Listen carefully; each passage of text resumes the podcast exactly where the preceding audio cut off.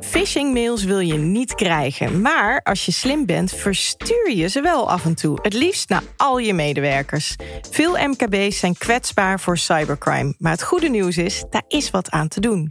In deze aflevering hoor je hoe je cybercriminelen op afstand houdt en hoe je een cultuur creëert waarin een ondoordachte muisklik geen desastreuze gevolgen krijgt. Je luistert naar Unlimited Ondernemen, een XTR-branded content podcast in samenwerking met T-Mobile.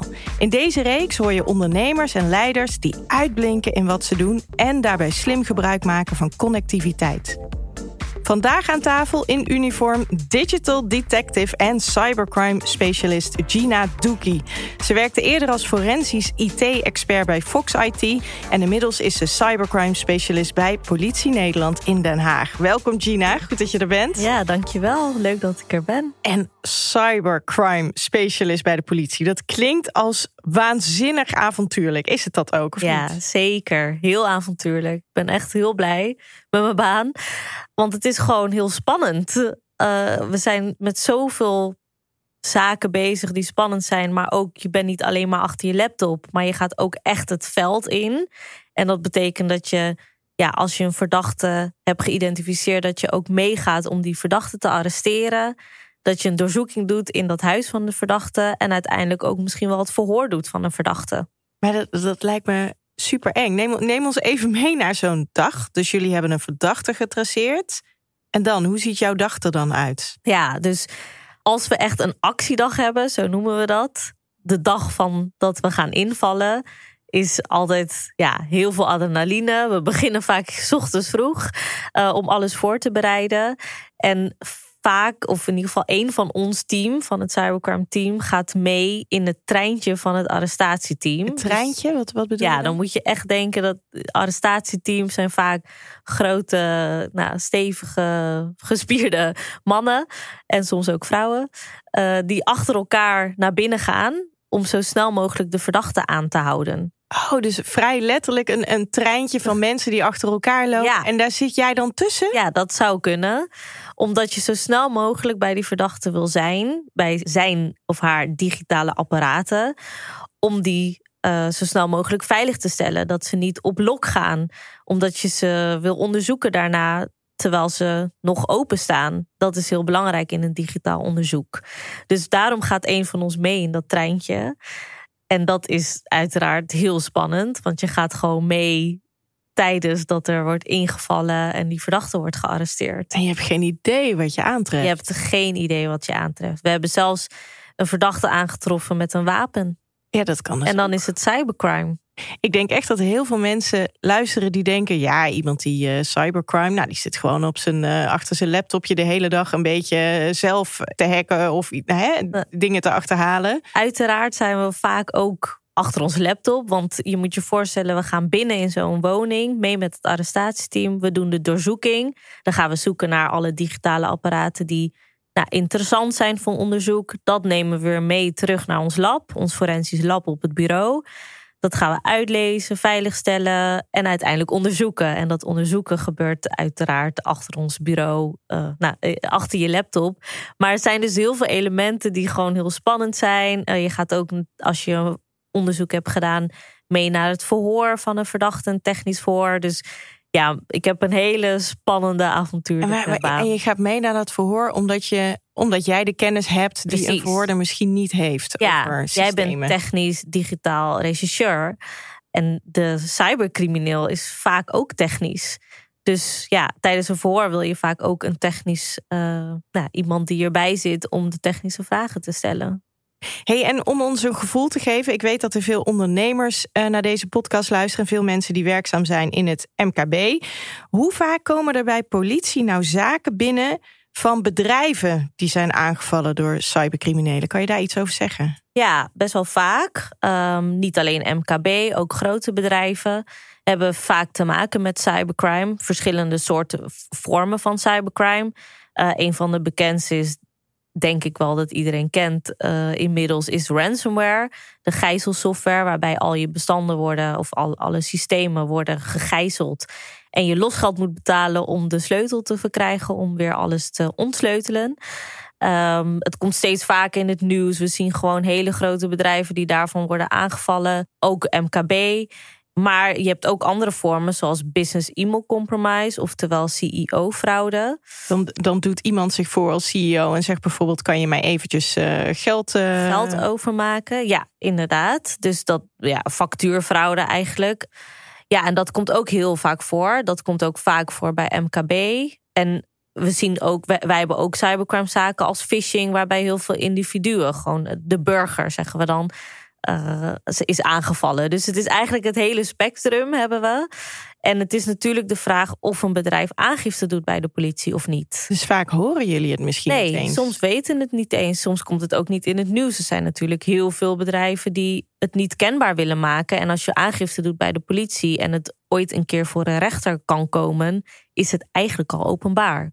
En veel bedrijven willen dat niet. Dus die doen soms geen aangifte. En daarom mijn boodschap eigenlijk hier is ook van doe wel aangifte. Want het is zo belangrijk om uh, voor ons ook om al die opsporingsonderzoeken aan elkaar te kunnen knopen. Kijk, als wij meerdere zaken hebben die ongeveer dezelfde nou, aanvallers hebben of vector of ja, uh, kunnen wij methode gebruiken. Ja, bijvoorbeeld kunnen wij veel meer onderzoeken of uh, veel ja, misschien wel bij een verdachte kunnen komen.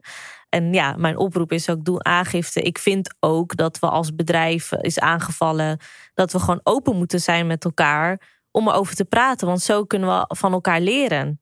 Ik bedoel, Universiteit van Maastricht en een aantal andere bedrijven hebben wel uh, nou, openlijk verteld wat er is gebeurd. En daar kunnen we zoveel van leren. Maar er zijn echt heel veel bedrijven die dit ook meemaken en het dus niet. Die niks zeggen. Die niks zeggen. En dus ook niet aangifte doen. En nou is, want je zei net al, er zijn ook individuen die bijvoorbeeld phishing aanvallen krijgen, maar dus ook veel bedrijven. Nou is het MKB specifiek een doelgroep die jij als cybercrime specialist aanspreekt. Heeft dat hier dan mee te maken, omdat je belangrijk vindt dat ze aangifte doen, of is er nog een reden waarom je juist MKB aanspreekt? Nou ja, ook inderdaad, aangifte doen. Kijk, ik ben naast, nou, naast dat ik digital detective ben, spreek ik ook om meer bewustzijn te creëren bij de mensen, maar ook veel bij MKB, omdat MKB vaak nog niet helemaal op het niveau zijn van security.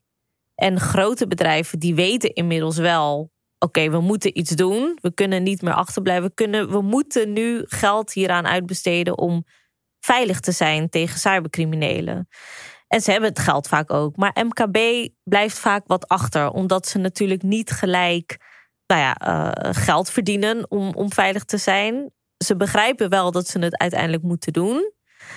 Maar om het uiteindelijk te doen is nog wel een wat grotere stap. En daardoor is MKB dus soms minder veilig. Ja. Omdat ze nog niet helemaal op technisch niveau cybersecure zijn. Omdat ze het budget nog niet uitgeven. Betekent dat dan ook, want ik, ik kan me voorstellen, cybercriminelen zijn zich hier ook bewust van. Dus die weten, nou, MKB die gaat zijn schaarse cashflow misschien niet direct aanwenden om veiliger te zijn. Haha, dat is een mooi target. Ja, Is MKB daarmee dan ook een groter target dan grote bedrijven, denk je? Ja, dat zou ik niet per se zeggen, want grote bedrijven zijn ook nog steeds een target. Dat vergt alleen misschien meer technische kennis van de cybercrimineel. Maar daar is wel veel meer geld te halen. Dus het is een beetje een afweging en het type cybercrimineel die erachter zit. Misschien bij MKB heb je iets minder technisch nodig, omdat, het, omdat er misschien wat meer open staat om naar binnen te gaan, maar is er minder geld te halen. Dus ja, ik zou niet zeggen uh, dat ze een groter doelwit zijn, maar ze moeten wel iets gaan doen nu om ze zijn wel een veilig te zijn. Want het is, ja, we zeggen zo vaak: het is niet meer de vraag of je wordt gehackt, maar wanneer. En als dat moment er is, ga je wel geld verliezen. Ja, precies. En dan, kan het hard gaan. En dan gaat het hard. En zelfs MKB-bedrijven die failliet gaan, die helemaal niet meer bovenop komen. En dan had je gewild dat je het wel je geld eerst had uitgegeven aan cyberveiligheid. Want anders ben je alsnog je hele bedrijf kwijt. Ja, oh, wat een vreselijk kat-en-muisspel is het ook. Nou, heeft jullie eenheid in Den Haag heeft ook een speciale focus op CEO-fraude. Je stipt het net al even aan, maar laten we er nog even iets dieper op ingaan. CEO-fraude, wat houdt dat allemaal in? Ja, en eh, bij ons is de term business e-mail compromise.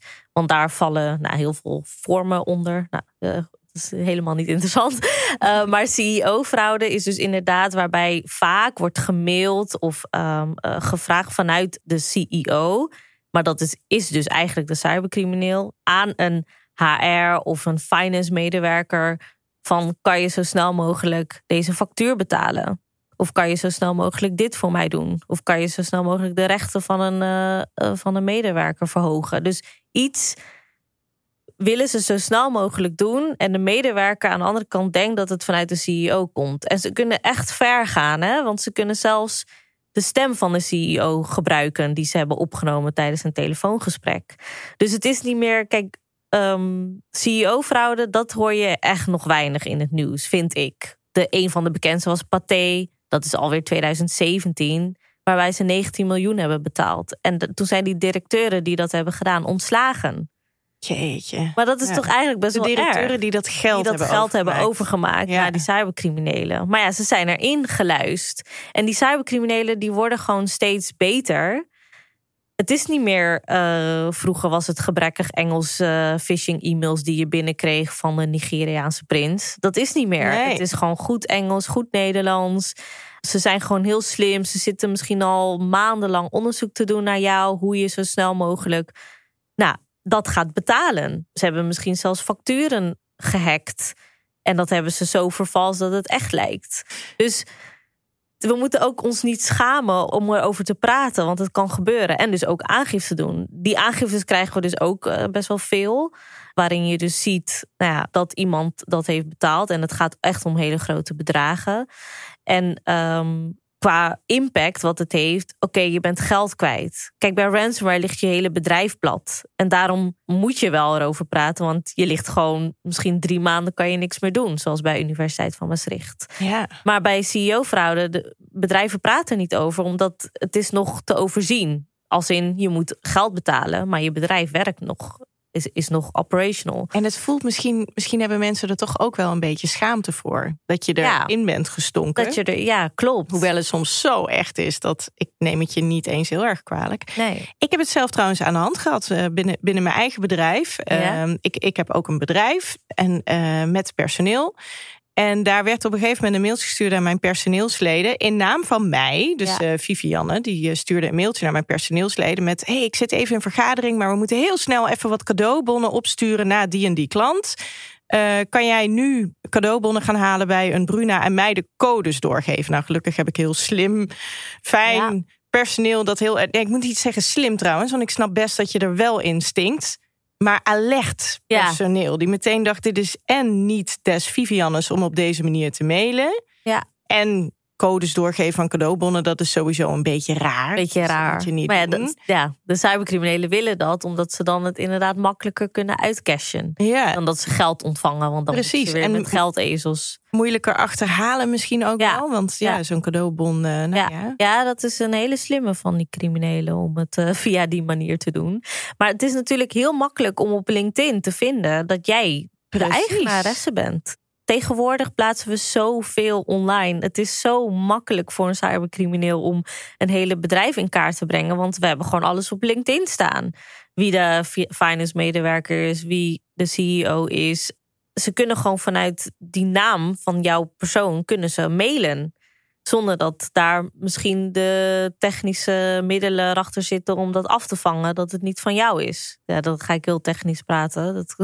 Nee, maar ik snap Maar- wat je bedoelt. Ja, ja. ja. Het is vrij laagdrempelig. Je checkt op, op LinkedIn wie is hier de baas van een bedrijf. Nou, uit dienstnaam ga ik nu de HR-medewerker mailen. Ja. En wie weet, lukt het. Ja, inderdaad. Ja, Toch een enge gedachte. ja. We gaan zo meteen door naar vier belangrijke tips voor IT-managers en leidinggevenden in het MKB om je weerbaar te maken tegen dit soort cyberaanvallen. En dat is dan de meer technische kant van het verhaal.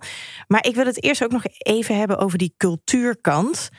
Want ja. hoe zorg je er nou voor dat medewerkers ehm, dat ze phishing-aanvallen herkennen en er niet intrappen? Ik, ik zei net zelf al, ik heb hele slimme medewerkers. Toen verbeterde ik mezelf. Ja. En Het heeft misschien niet met slim of dom te maken, maar meer met alert. ja. Maar hoe, hoe bereik je dit nou? Ja, dat ze zo'n phishing-aanval herkennen? ik merk ook aan mezelf dat ik vaak tegenstrijdig ben. Want veel van de zaken die ik zie en onderzoek, had je het kunnen zien, de phishing. Maar omdat ze natuurlijk heel veel druk op je leggen. De CEO zegt, we moeten nu binnen een uur gaan we een ehm, hele belangrijke transactie doen. En ik moet zo snel mogelijk dat geld hebben.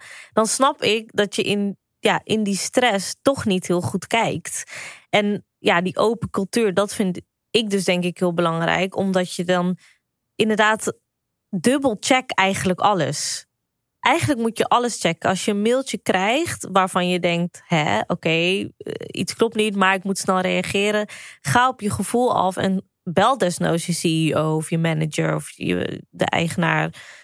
Klopt dit? Klopt dit mailtje? Ben jij dit ben echt? jij dit echt? En ja, als je op de vloer zit, oké, met thuiswerken met corona was het vaak lastiger, was het nog een grotere drempel. In Nederland hebben we best wel een open cultuur, maar in België heb je volgens mij best wel veel meer hiërarchie. Ga je niet zo snel naar de manager toe. Maar dat zou wel dus moeten om dit te voorkomen. Want als je alles dubbel checkt, dan heb je gewoon veel minder kans om slachtoffer te worden. Nou, nou hebben wij een heel platte organisatie. We zijn ook niet zo groot. Maar ik kan me voorstellen, als je een hele grote organisatie bent, dat die CEO een natuurlijke, ja. vrij grote afstand heeft van personeel. Je vraagt nogal wat dat je dan maar even de telefoon pakt en de grote CEO gaat bellen om te checken of, of dit wel echt de bedoeling is. Ja, nee, dat is ook zo. Alleen als je toch twijfelt en kijk, je kan ook je medewerkers uh, trainen om bewust te zijn voor phishing links, om te leren herkennen. Daar zijn awareness trainingen voor. Dat kan zeker. En ik denk dat dat ook wel goed is om te doen als je wat groter bent om je medewerkers te trainen. Maar dan nog, als je klikt is het nog belangrijker om het aan te geven. Of als je iets overmaakt of als je klikt en je denkt: oh, dit is niet goed, om het aan te geven van. Misschien was het niet goed. Ik heb geklikt. Ja. Dan dat je gaat denken: oh, nou oké, het zal wel. En dat het wegvijven. Want nou goed, dat komt straks bij de tips bij. Dus misschien moet ik hem even bewaren. Oké, oké, bewaren we die voor de tips.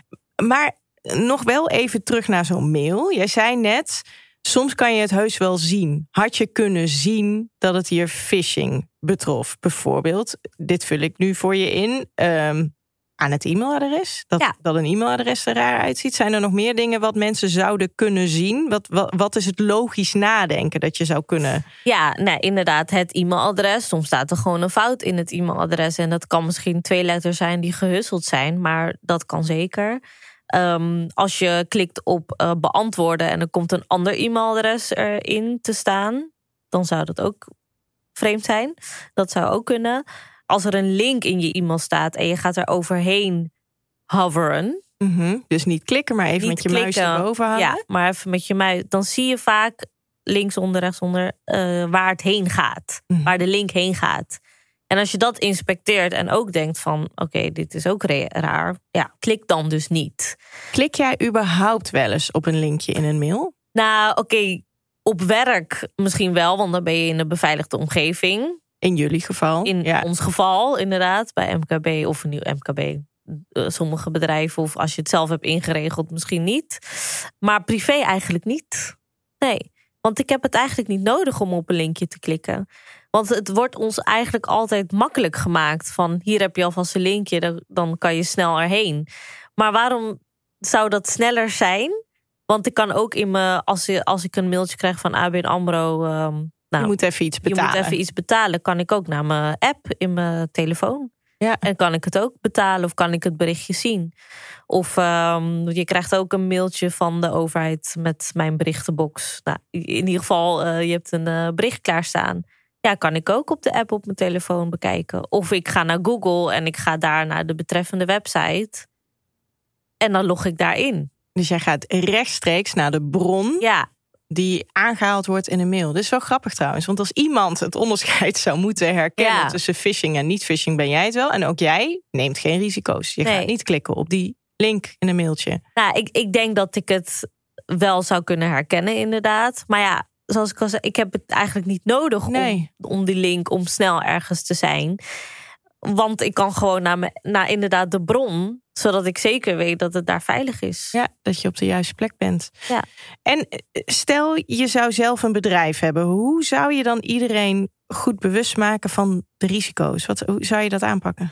Ja, het kwam volgens mij in de intro al naar voren. ja. En in mijn tijd dat ik bij Fox IT werkte, uh, deden we dat. Deden we zulke penetratietesten, noemen we dat. Ja, we zeiden, hè, uh, ga zelf eens een phishingcampagne uitrollen. Ja, ja, eigenlijk, laat je fishen, bewust. Ja, kijk, mijn tip is eigenlijk oefenen, oefenen, oefenen. We gaan ook brandoefeningen doen van het gebouw. Maar waarom doen we niet oefeningen voor een cybercrime aanval? Dat is misschien nog erger dan een brand.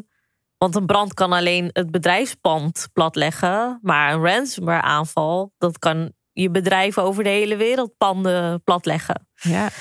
Dus waarom oefenen we dat niet? Je moet oefenen en zo kan dat ook met phishing mails. Als je een phishing mail naar je medewerker stuurt om te kijken, nou, wie klikt wel, wie klikt niet tuurlijk, het is een beetje heftig om zo je personeel te trainen. Maar alleen zo leer je het ook echt. Toch? Meestal als je slachtoffer bent geweest. Ja, als je een keer geklikt hebt en je wordt geconfronteerd dan, met... Hey, dan leer je het. Dat is waar. Maar ik zou me toch ook wel een klein beetje... Nou, ik weet niet wat het juiste woord is. Misschien beledigd voelen of uh, betrapt voelen of een beetje dom voelen. Dat als ik dan ik blijk dan dat bedrijfsrisico te zijn als ik geklikt heb als medewerker. Ja, maar we moeten daar dus overheen. Dat, dat, het kan, het kan gebeuren. Dus als al, je doet zo'n test, dan blijkt, ja, er zijn medewerkers die geklikt hebben. En in plaats van dat je dan met het geheven vingertje ja. zegt, pot voor drie, je hebt geklikt, gaan we er lering uittrekken. Ja. Dat is eigenlijk wat je dan moet doen. Zeker. Ja, waarom heb ik geklikt? Was ik te druk op dat moment? En hoe uh, voorkomen we dit? Ja, hoe gaan we dit voorkomen inderdaad? Interessant. Allemaal aan de phishing-campagnes dus. En voordat je dan gaat oefenen, moet je natuurlijk wel de juiste middelen hebben om in te zetten. En ik, ik noemde het al even, we gaan door naar vier tips die jij op een rij hebt gezet om je bedrijf weerbaar te maken tegen aanvallen van cybercriminelen. Nou, Gina, kom maar door. Vier tips. Ja, vier tips. Ja, ik heb er nog wel veel meer, maar omwille van de tijd uh, zal ik er vier geven. Ook al hebben we wel wat, uh, wat aangehaald zoals ik al eerder heb gezegd, dubbel, dubbel check. Alles dubbel checken. Dat is ook mijn tip met twee-factor authenticatie. Ik vind dat iedereen dat op alles aan moet hebben staan. Dus ook privé, op je social media accounts, op je e-mail, maar dus ook in je bedrijf. Als je Office 365 hebt, is, staat het volgens mij nu standaard aan. Dat was vroeger niet zo. Maar twee-factor authenticatie is eigenlijk een dubbele check. Dan heb je niet alleen je wachtwoord nodig om in te loggen, maar ook nog een andere code die je bijvoorbeeld een uh, sms'je krijgt op je telefoon of een authenticator app. En dat is de meest veilige methode wat er nu dan is om in te loggen op een account dat van jou is. En vooral bij bedrijven, bij e-mail is dat belangrijk. Ik zie heel veel zaken voorbij komen waarbij in een e-mail is ingelogd door een medewerker, die dus geen twee-factor authenticatie aan had staan. Als die dat had, wel had, was het nooit gebeurd. Nee, dus dit is gewoon echt de makkelijkste manier. De makkelijkste manier, ja. En volgens mij staat het nu wel standaard aan. Dus dat is uh, in ieder geval goed. En ook train je medewerkers dus ook om niet zomaar die twee-factor authenticatie goed te keuren. Want soms heb je bijvoorbeeld zo'n op je app krijg je van ben jij dit? En dan kan je ja of nee klikken. Dat, dat bestaat ook nog. En daar heb ik ook gezien bij sommige zaken dat een medewerker dan op ja klikt. Terwijl die niet aan het inloggen was. Dus tuurlijk, het is niet dat je dan geen slachtoffer kan worden. Maar het is wel al een hele, ja, een, een hele win om heel veel aanvallen die ik heb gezien tegen te kunnen gaan. De tweede tip, wat voor ransomware voornamelijk belangrijk is, maar eigenlijk voor nou ja, uh, alle cybercrime aanvallen, is om je backups goed ingeregeld te hebben. Om überhaupt backups te hebben, dat je backups terug kunt zetten, dat je dat regelmatig test, dat je backups niet geïnfecteerd kunnen raken, dus op een losstaand schijf ergens staat, dus misschien zelfs offline. Dat is belangrijk, want als je dan wel ransomware hebt binnengehaald en slachtoffer bent geworden, hoef je misschien niet eens te betalen omdat je al je data nog hebt heb je misschien alleen de laatste uren misschien niet meegepakt. maar voor de rest kan je weer terug online. Ja, en dus ook weer hier belangrijk om dit te testen. Want dat heb ik ook vaak gezien bij bedrijven. Dan zijn ze slachtoffers, ze hebben backups, maar ze weten niet hoe ze het terug moeten zetten. Of het lukt niet. Dat is gewoon heel belangrijk om wel te testen. Derde tip is het updaten van al je systemen. En ik weet het, ook privé, dan zie je weer een update op je telefoon. Ja, je bent net even iets aan het doen. Ja, je bent net aan het weer. doen. Ik krijg nu bijna elke dag een update. Dat ik echt denk, ik ga toch niet elke dag mijn telefoon uh, opnieuw uh, updaten. Maar dit is zo belangrijk. Want als er een update is waarin een beveiligingsissue is gemaakt, eigenlijk, mhm. technisch. Dan weten cybercriminelen dit natuurlijk ook. Dat er dus in de oude versie een lek zat. Ja, of want anders was die update er niet anders geweest. was die update er niet geweest. Een kwetsbaarheid zit ergens in. En als jij, zolang jij niet update, kan die cybercrimineel daar misbruik van maken. En dat is best wel nou ja, eh, makkelijk om het internet bijvoorbeeld te scannen met welke systemen hebben allemaal de oude software. En daar ga ik aankloppen. Daar ga ik aankloppen. Dus dat is een hele belangrijke. En de laatste tip, wat ik ook vaker zie bij bedrijven, is dat stel een medewerker heeft geklikt op een phishing link en er gebeurt niks. Die medewerkers meldt het niet, het is niet gedetecteerd, dan kan een cybercrimineel maandenlang meekijken met mails, kijken welke systemen er allemaal zijn, hogere rechten behalen. En na drie maanden denkt hij opeens: oké, nou, nu heb ik, ga, alles. Nu heb ik alles. Nu ga ik die ransomware uitrollen. Want dat gebeurde dus ook uh, bij Universiteit Maastricht. Ik haal dat voorbeeld altijd, uh, altijd naar voren, omdat ik zo interessant vond. Dus ze waren al drie maanden binnen. Dus als, als jij dat niet hebt gedetecteerd, dan kan je dus zoveel schade aanrichten. Terwijl als ze het gelijk hadden gedetecteerd, dan had je misschien ja, dan was de schade misschien beperkt. Beperkt. Hoe sneller je iets kan detecteren, hoe ja, meer schade je eigenlijk kan beperken. En daarom ja, is het, vind ik het belangrijk om je systeem, om je netwerken te monitoren, zodat je een cyberaanval kan detecteren. En wanneer bel je nou de politie? Um, nou, je kan altijd de politie bellen natuurlijk. Daarvoor zijn we. Um, als je slachtoffer bent van cybercrime, is het belangrijk om de politie te bellen, om aangifte te doen, zodat wij inderdaad onderzoek kunnen doen naar de daders die erachter zitten. Maar het zijn ook vaak bedrijven die plat liggen, die dan misschien ja, niet gelijk de politie bellen, omdat ze eerst willen dat hun bedrijf weer up and running is. Daar heb je natuurlijk bedrijven zoals een Fox IT voor. Uh, maar het is wel belangrijk om gelijk de politie aan te haken, want wij kunnen dan parallel ook meekijken hoe kunnen we sporen vinden, forensisch onderzoek doen, om uiteindelijk te kijken wie erachter zit. Maar de politie gaat mij niet helpen om mijn systemen weer up and running te krijgen. Nee. Toch? Dat doen jullie niet. Nee. Het is puur het zoeken van de daders, proberen te zoeken van het de zoeken van de daders, helpen in het forensisch proces, dus hoe je dingen moet veiligstellen. Uh, maar uiteindelijk gaan we inderdaad niet uh, jou helpen om jouw systemen te herstellen van ransomware. En nu we het hebben over ransomware, ik kan me best wel voorstellen dat een bedrijf gewoon besluit dat losgeld te betalen. Want hè, de, de, de klantenservice tussen dikke vette aanhalingstekens van cybercriminelen is vaak best wel Oké, heb ik begrepen. Dus als je betaalt, krijg je ook je bestanden vaak wel terug. Ja. Ik snap het. Maar ik snap ook dat de politie zegt niet, betalen. Nee. Wat, wat vind jij nou? Ja, maar zeker zijn hele georganiseerde criminelen, klantenservice. Want dat is hun businessmodel. Als zij niet die sleutel gaan leveren, dan gaat natuurlijk de volgende bedrijf ook niet betalen. Maar als een bedrijf betaalt, dan hou je dat businessmodel dus in stand. En daarom zegt de politie en ik ook: betaal niet. Want voor het groter plaatje, voor, voor de wereld, is het belangrijk dat we niet meer gaan betalen. Want die cybercriminelen worden alleen maar steeds groter. Er worden, komen steeds meer ransomware groepen. De schadebedragen worden steeds groter.